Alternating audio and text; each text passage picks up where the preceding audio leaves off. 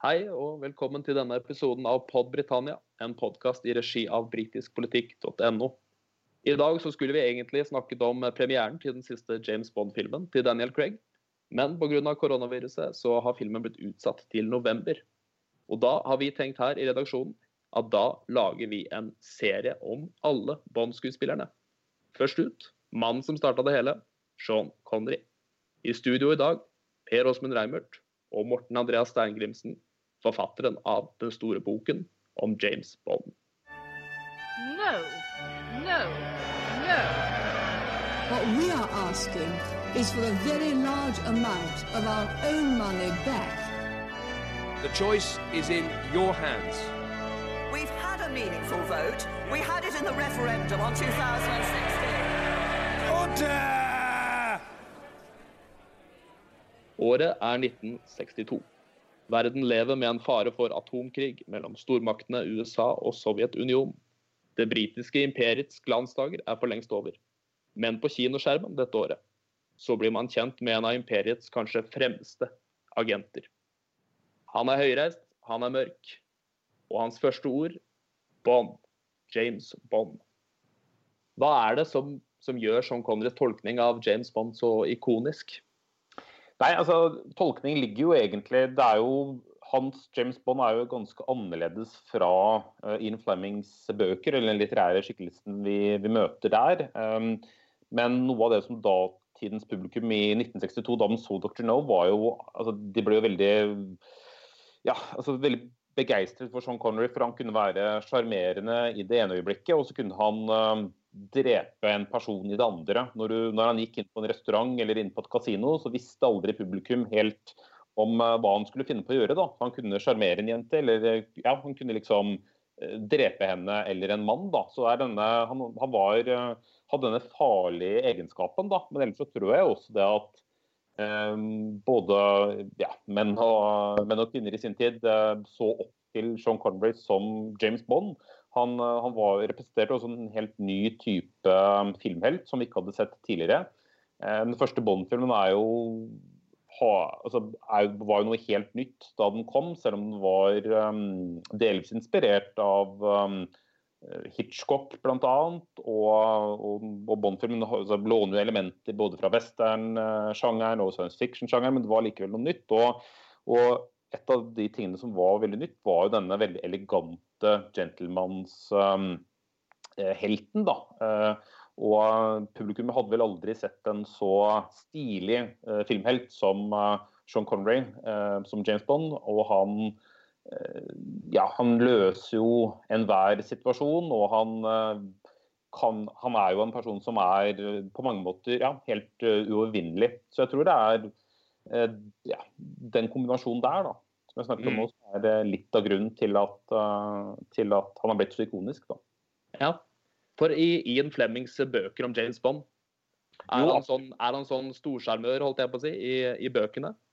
Ja, altså det er jo klart at eh, han er jo sjarmør i bøkene òg. Eh, og en veldig elegant eh, mann som har dyre vaner og kjører både raske biler og, liker å spise ja, bestemte ting og drikke bestemte årganger av champagne. Men, men med Sean Connery så var, så var det en litt mer si, løssluppen stil. Det var um, Han var mer er jo litt sånn tegneseriepreg over, uh, over Sean Connerys fremstilling. fordi um, men, men, samtidig så er det denne ja, Selv om det er litt tegneserieaktig, så, så har Sean Connery denne farlige egenskapen da, um, som gjør at, um, at uh, ja, man, man, ble rett og slett bare veldig begeistret for han. da. Ja, man sier jo gjerne litt om Roger Moore. Det er flere som mener at det er vanskelig å liksom tro på at Roger Moore kan, kan banke opp en person. Det er vel noe med fysikken ja. der. og med, med, Sean Connery så får man på en måte både det sjarmørelementet og den fysiske siden. Ja, absolutt. Og Sean Connery var jo um, Han hadde jo bakgrunn som uh, bodybuilder og modell før han uh, ble castet som, som James Bond. Nummer, nummer, tre, nummer tre i Mr. Universe, var det ikke det? Det kan nok stemme, ja. Så, så, han hadde, så, han var jo veldig sjekk i sin tid. Men som jeg sa, så kom han jo fra arbeiderklassen i Skottland. og han var jo en, på mange måter en uslepen diamant eh, da han fikk rollen. Så regissøren av den første Bond-filmen, Terence Young, måtte jo virkelig lære Sean Connery manerer fra A til Å. Og ja. Sean Connery altså, han pleide jo ikke å gå i dyre dresser eller kjøre ja, altså, dyre biler osv. Så, videre. så Så regissøren og Dr. No tok med Connery til, til en skredder i London. og så fikk ja, fikk sørget for at Sean Connery fikk flere veldig flotte, dyre dresser og smokinger. Og så fikk Sean Connery i, som hjemmelekse og rett og slett sove uh, med disse dressene, sånn at de skulle sitte som et uh, skudd.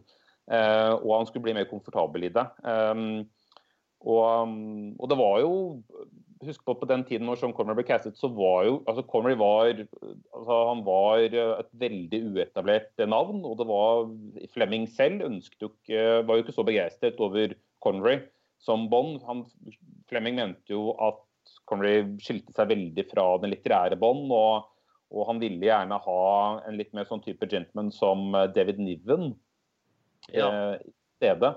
Så, men Sean Connery, noe av det som Bond-produsentene ble veldig begeistret for, da var at Sean Connery han beveg seg som en, eh, som en tiger. Og, han, eh, og, det var noe de, de, hang seg veldig opp i. I tillegg til at han selvfølgelig var et veldig stort uh, sexobjekt. Uh, for jeg visste det at uh, caster i Sean Connery, så, så, vil det ha veldig stor appell. Uh, både hos menn og kvinner. Du snakker litt om at han kommer fra arbeiderklasse i, i Skottland. Er det, er det, Glasgow han kommer fra, er det ikke det? Ja. ja. Det er litt spesielt at uh, han kommer nettopp fra disse traktene når han spiller denne her eh, engelske ja, denne representanten for imperialismen litt. Da. Og han er jo sjøl veldig sånn forkjemper for skotsk eh, nasjonalisme. Det er en sånn her tosidighet her som er litt merkelig. Ja, det er veldig mye paradokser med, med Sean Connery. At uh, han, uh, han, er en person som snakker veldig varmt om arbeiderklassen. Han snakker veldig uh, om Skottland og selvstendighet. Men selv så har han jo valgt å bosette seg i Bahamas, i et av verdens største skatteparadiser. Eh, nettopp fordi at han, eh, han, eh, han, ja, han, vil ikke bruke for mye penger og han vil, ha, vil gjerne ha det veldig godt da, altså økonomisk sett. Og, ikke, og han er ikke så, vet, ikke så, veldig glad i å betale skatter. Så det er veldig mye paradokser med, med, med Sean Connery. Og, og, men han hadde nok et veldig eh, ja, altså blandet forhold til det å spille James Bond. Um, Altså, det er klart at Uten James Bond så ville nok ikke Sean Connery hatt den karrieren han fikk. Um, uh, samtidig så ja, han, han, ble jo uvenner med produsenten av Bond-filmene, fordi Connery følte at han fikk jo aldri nok betalt. Nei. Uh, og det er jo derfor han uh, for første gang la opp i, etter at han gjorde You Only Live Twice i 1967. Um, ja, I tillegg til at han, eh, når de spilte den filmen i Japan, så fikk han jo ikke lov til å sitte på do engang. Fordi japanske fans de forstyrrer han til og med der. Så han har alltid vært en litt sånn, ja, en mann full av eh, paradokser og, og, og Så ja, det er vel kanskje en av de tingene som kjennetegner han. da. Ja. Jeg må skyte inn her og si at jeg så et intervju med Pierce Brosnan en gang. Da var han på innspilling under en Bond-film, og så hadde han nettopp gjort et stunt kommet ut, blitt ferdig, og så på parkeringsplassen så sto Sean Connery der. Og Pierce Brosnan sa at det første han ble spurt om, det var betaler de deg nok penger? Ja, ikke sant? Da ser du det at, og Connery har jo i mange år blitt anklaget for å være veldig grisk. Men det som også er et, eh, jeg kom på noe som er et paradoks, er at selv om han egentlig ikke Jeg tror nok at Sean Connery er stolt over eh, tolkningen eh, ja. som Bond. Eh, men, eh, men, han har som sagt hatt et veldig veldig anstrengt forhold til Bond-rollen. Og på et tidspunkt så klarte han visstnok ikke å, å, skille seg selv da, og rollefiguren. Eh, så da var vel i 1968, hvis jeg ikke tar helt feil, så dro han til, eh, til Norge for å, for, å, få ja, hjelp til å, å takle denne, takle dette litt bedre. Da. For han, ja. han, for han gikk jo fra å være ja, egentlig en nobody til å plutselig bli altså, verdenskjent. og det er jo interessant på 60-tallet at ved siden av James Bond så var det kanskje Beatles da, som var de to store virkelig populærkulturelle fenomenene. Så, så, det var nok det at Connery fikk såpass stor oppmerksomhet, da, det, det, var nok ikke helt lett for han. Og da måtte han altså dra til, til Norge for å få hjelp til, til, å takle denne tilværelsen, men også visstnok ifølge flere rapporter hjelp til sviktende potens. Så det er litt morsomt at Oslo og Norge ble redningen da, eh, for, eh, for, nettopp det. Men det er jo en annen ting jeg tenkte på, er jo at det er jo egentlig ganske mm, interessant at det er veldig få egentlig fra England som har spilt James Bond.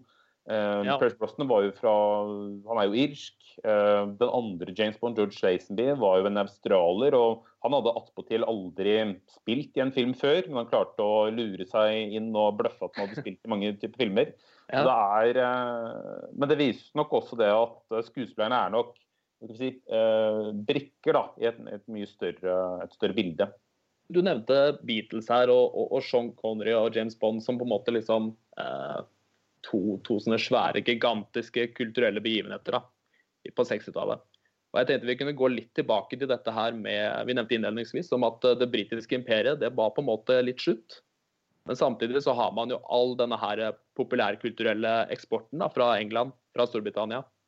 Hvor mye av dette 60-tallet er det som på en måte lever i, i filmene til uh, Sean Connery? Jeg tenker Det er litt interessant å sammenligne de første Bond-filmene på 60-tallet med de tidligere britiske filmene som har blitt laget. fordi det var jo en trend, uh, eller en slags bølge, i britisk film uh, før Bond-filmene. Det het vel britisk kjøkkenbenkrealisme. Det var eh, ja, svart-hvitt-filmer og veldig realistiske skildringer fra hverdagen til briter flest. Da. Så det klart at Den første Bond-filmen markerte jo et virkelig stort skille. da. Uh, for i, et, i etterkrigskrigen så var det mye depresjon, og det var um, ja, altså, Storbritannia måtte komme på, på fot igjen. Så, er, så, jeg tror at uh, Dr. No og de andre Bond-filmene med Sean Connery i starten altså, de representerte en ny glød. da for, eh, for britene. Eh, og, og, da, Bond ble jo plutselig eh, en av de største eksportartiklene fra, fra England noensinne. Så det er jo, så det er jo, ja, det er jo interessant, det. Mm. For dette er jo andre tider. Du, jeg har jo sittet og sett disse her på Viaplay nå. Jeg har benytta denne karantenen til å ja. se, ta et gjensyn med Sean Connery sine filmer. og man ser jo at her klaskes jo damene på rumpa, og her røykes det i bare over lav sko. Eh. Jeg tenker, hvordan er det altså, hvordan, hvordan, står disse filmene seg i dag? Nei, jeg tror jo at eh, altså Med dagens øyne så tror jeg at det er mange som ikke helt um, ja, altså, man, man, skjønner nok ikke hvor um, stor betydning disse filmene hadde på den tiden, og hvor unike de var. Altså, publikum hadde aldri sett sånne type filmer før. Um, Tenk deg den første Bond-filmen. Altså, folk reiste jo ikke så mye på den tiden, og plutselig så ser du Jamaica med altså, mye farger. Det er eksotisk, det er blått hav. Um, og du har en veldig kjapp handling. Og alle de tingene vi ser veldig mye i TV-serier og filmer i dag, da, det ble jo introdusert i den første, første Bond-filmen. Denne stormannsgalleskurken eh, som skal eh, ta over verden, eller i hvert fall få veldig mye, få stor makt. Du har Eh, denne gentlemans-helten. Eh, du har de altså action, eksotiske settinger, og, og, mye av det her var ting som publikum på den tiden aldri hadde eh, sett da, på, på lerretet før. Eller i hvert fall ikke i den grad som båndskaperne eh, gjorde det. Så, og som sagt så, så ble det jo altså Det som er interessant med Bond-film på 60-tallet, er at på den tiden så var jo James Bond en absolutt eneste filmserien i hele verden. I dag finnes det veldig mange filmserier, altså alt fra Spiderman til Ringenes herre-filmene til Star Wars til Marvel.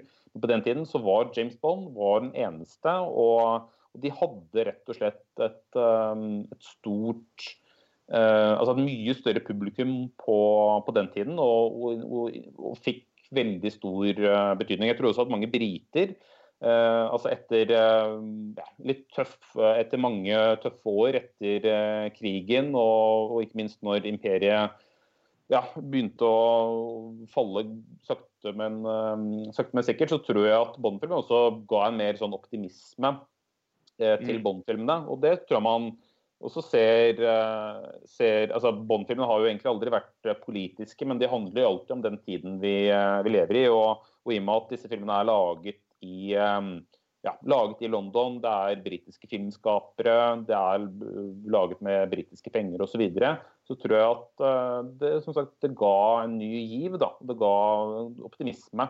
Eh, som jeg tror mange briter i hvert fall på den tiden trengte. Og, og særlig disse dager da, med, med brexit og, mm. og, og så, videre, så, så, tror jeg også at uh, Bond-filmene det er noe som briter fort kan være veldig stolte av. Da. Det er jo kanskje det og britisk fotball som kanskje er noe av, det, noe av de tingene de, de, virkelig brenner for i dag, da, og som de kan være stolte for. og um, Selvfølgelig mange andre ting, det er kanskje de to tingene som utpeker seg. seg da. Så, men, eh, men, som sagt, Bond-filmen var veldig betydningsfull i sin tid og, og inspirerte veldig mye. Det dukket faktisk opp en egen filmsjanger i Europa på den tiden som het Eurospy. og Det var rett og slett ja. veldig billige uh, kopier av Bond-filmene, laget på veldig små budsjetter. Selv broren til Sean Connery, Neil Connery, han var vel en rørlegger fra Skottland. Eh, han dukket opp i en film som rett og slett het OK Connery. Så, som, som tilsynelatende ligner på en Bond-film, eh, men eh, man merker at den er laget på, på, på ja, med veldig lite, lite, penger. Hvor mange Sean Connery Bond-filmer er det i totalt? Nei, han spilte Nå må jeg holde tunga rett i munnen her, fordi han slutta jo egentlig flere ganger, men han vendte jo tilbake. Så han har spilt i uh, Han spilte i Dr. No, Premature Love, Goldfinger, Thunderbolt, Only Twice, Dams Up River Så det blir vel um, syv filmer, hvis jeg ikke tar, uh, tar helt feil. Og den, og den, ene der, den er uoffisiell, ikke sant? Det er, det er, en, såkalt, det er en såkalt uoffisiell film. I, I, 1983 så stilte han opp i den uoffisielle Bond-filmen 'Aldri si aldri'. Eh, som var en, laget av en ja, produsent som hadde rettighetene til, eh, til Thunderbolt-historien. Så det er en remake av Thunderbolt. Tittelen er rett og slett et spill på hans evige tilbakekomst i den rollen, er det ikke det? Jo, absolutt. Jeg, jeg, tror han og Jeg så faktisk den filmen på nytt igjen uh, her om dagen. Og det som var litt interessant, er at i rulleteksten så står det at den personen som kom på tittelen 'Never Say Never Again', eller aldri, 'Si aldri' som heter på norsk, det var kona da, til Sean Connery. Så hun er kreditert for å ha kommet på den tittelen. Den er ikke så veldig original tittel, men hun er i hvert fall kreditert. da, og det var vel fordi han sverget på at nei, han skulle selvfølgelig aldri spille denne rollen igjen, men så vendte han jo tilbake. Og det som er interessant er at etter at han um, hadde sluttet for andre gang da, som James Bond etter at han gjorde 'Diamanter var evig' i 1971, så fikk han jo litt vaklende altså, ja, Han gjorde jo ikke så veldig mange gode um, filmer på 70-tallet. og eh, Stjernestatusen eh, forsvant litt. Eh, så jeg tror nok han følte behov for å vende tilbake til Bond-rollen for å få en ny um, for å gjøre et comeback, rett og slett. Da. Og det som er interessant er at Etter at han gjorde den uh, uoffisielle Bond-filmen 1983, så plutselig så ble han et veldig hot navn igjen. og Han gjorde en del um, store filmer, deriblant Untouchables uh, på slutten av 80-tallet, som han fikk Oscar for. og så Bond har jo som sagt betydd veldig mye for karrieren hans. og, og han, jeg tror ikke han, han, kunne vært det foruten, egentlig. da. Hva er din yndlings uh, James Bond-film av Sean Connery? Tror det er godt Jeg tror jeg nesten må si eh, Goldfinger, eh, kanskje. Fra 1994. Ja. Um, og det er jo en film som er veldig, ja, veldig tegneserieaktig og veldig overdreven. Og, men det er eh, den filmen hvor han viser at han virkelig behersker humor og disse tørrvittige replikkene best. Uh, og, og, det er en film som, som også er en av mine ja, generelt store Bond-favoritter. fordi du har Shirley Bassey som synger denne tittellåten. Um, Goldfinger. Du har en stormannskalt som vil rane uh, Fort Knox. Uh, stjele gullbarer uh, derifra. Og du har uh, veldig ja, ikoniske karakterer som Oddjob og Pussy Galore. Uh, veldig merkelig navn, men uh, det er i hvert fall minneverdige navn. Uh, og så videre. Så, så, det, så det er en stor favoritt. Sean Connery, hvor er det han befinner seg nå? Nei, det som er, eh, som vi snakket om litt tidligere, med paradokser at selv om han ikke var så begeistret for Bond-rollen, så valgte han jo å bosette seg på en Bond-location i Bahamas. Så akkurat nå så bor han i en eh, såkalt gated community i Bahamas. Og det er akkurat på en av lokasjonene for Thunderball, som ble filmet der i 1965. Så um, jeg har jo selv vært innenfor denne gated communityen. Jeg var i Bahamas på ferie for noen år tilbake, og da måtte jeg selvfølgelig se om jeg kunne um, få en liten uh, sniktitt inn i det området der hvor han Ja, ja. uh, bor. Eh, så, og det, selv om man ikke bor der, så kan man få tilgang og kjøre litt rundt der. Så, så det var, og det var litt interessant, fordi der var det jo sånne um, ja, altså På Bahamas så er det jo ja, altså Bahamas er jo veldig annerledes i dag sammenlignet med hvordan det var på, i 60-tallets Bond-filmer. da, eh, Hvor det var veldig glamorøst og det var veldig eksotisk. Og i dag så er det veldig amerikanisert og med McDonald's og mye sånn Ja. eh, fastfood-kjeder. Men inne på dette gated community hvor um, Connery og en del andre celebriteter bor, da, og en del andre som ikke liker å betale så mye, mye skatt. Der var det jo et, eh, det var helt fascinerende, for der var et helt eget samfunn. Det var eget sykehus, eget kjøpesenter, eget brannvesen, eh, altså, eh, altså egne klubber, altså you name it. da. Så det var interessant å kjøre, og da så man liksom den ene virkelig store villaen etter den andre, som sikkert er på størrelse med hvis du ser fra den største villaen i Holmenkollen og ganger det med ti, så sånne type villaer var det der. Men så, Ja, så, man et, men så så jeg plutselig et, eh, et, eh, et rekkehus, eller noe som lignet på et rekkehus da, med et skotsk flagg. Så jeg vil anta at det er der eh, Sean Connery bodde, da. Det er fort det. Ja, vi, jeg tenker at i disse koronatider så håper vi at han holder seg inne. Han er jo, Jeg vet ikke hvor gammel han er nå, men han er jo vel definitivt i risikogruppen, som det heter. Eh, absolutt. Eh, men jeg tror nok at innen i dette gated communityen så tror jeg at de, jeg tror de har det ganske godt. Og jeg tror eh, der har de sikkert tilgang på verdens beste leger og eget sykehus og egne banker og som sagt eh, alt mulig. Så jeg Ja. tror, jeg tror kåren er ja. Så jeg tror han, Forhåpentligvis så er han ikke eh, Så er han ja, ved godt mot. Vi ønsker Sean Connery fortsatt god eh, helse, og takker av for eh, denne episoden. Neste episode som vi kommer til å gjøre, den kommer til å handle om George Lazenby.